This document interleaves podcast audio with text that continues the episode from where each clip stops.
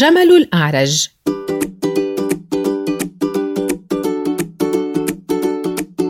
يحكى أنه كان هناك جملا قد أصاب قدمه شيء ما فأصبح ذلك الجمل أعرج فأقاموا في القرية سباقا للجمال فقط فذهب هذا الجمل الأعرج ليتسجل في السباق.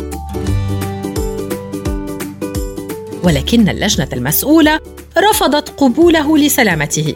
فكيف لجمل أعرج أن يشارك في السباق؟ ولكن الجمل أصر على مشاركته في ذلك السباق وقال للجنة أعطوني فرصة أريد المشاركة في هذا السباق.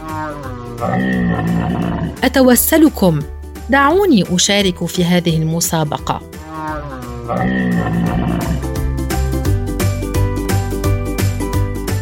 جعل اللجنة تستسلم له وتسمح له بالمشاركة في السباق. انتظروا قليلا والسباق ها قد بدأ.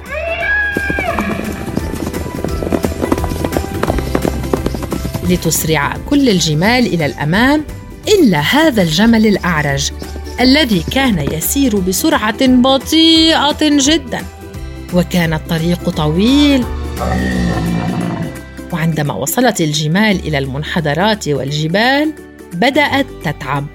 ومنهم من سقط وآخرون قرروا العودة لعدم قدرتهم على المواصلة.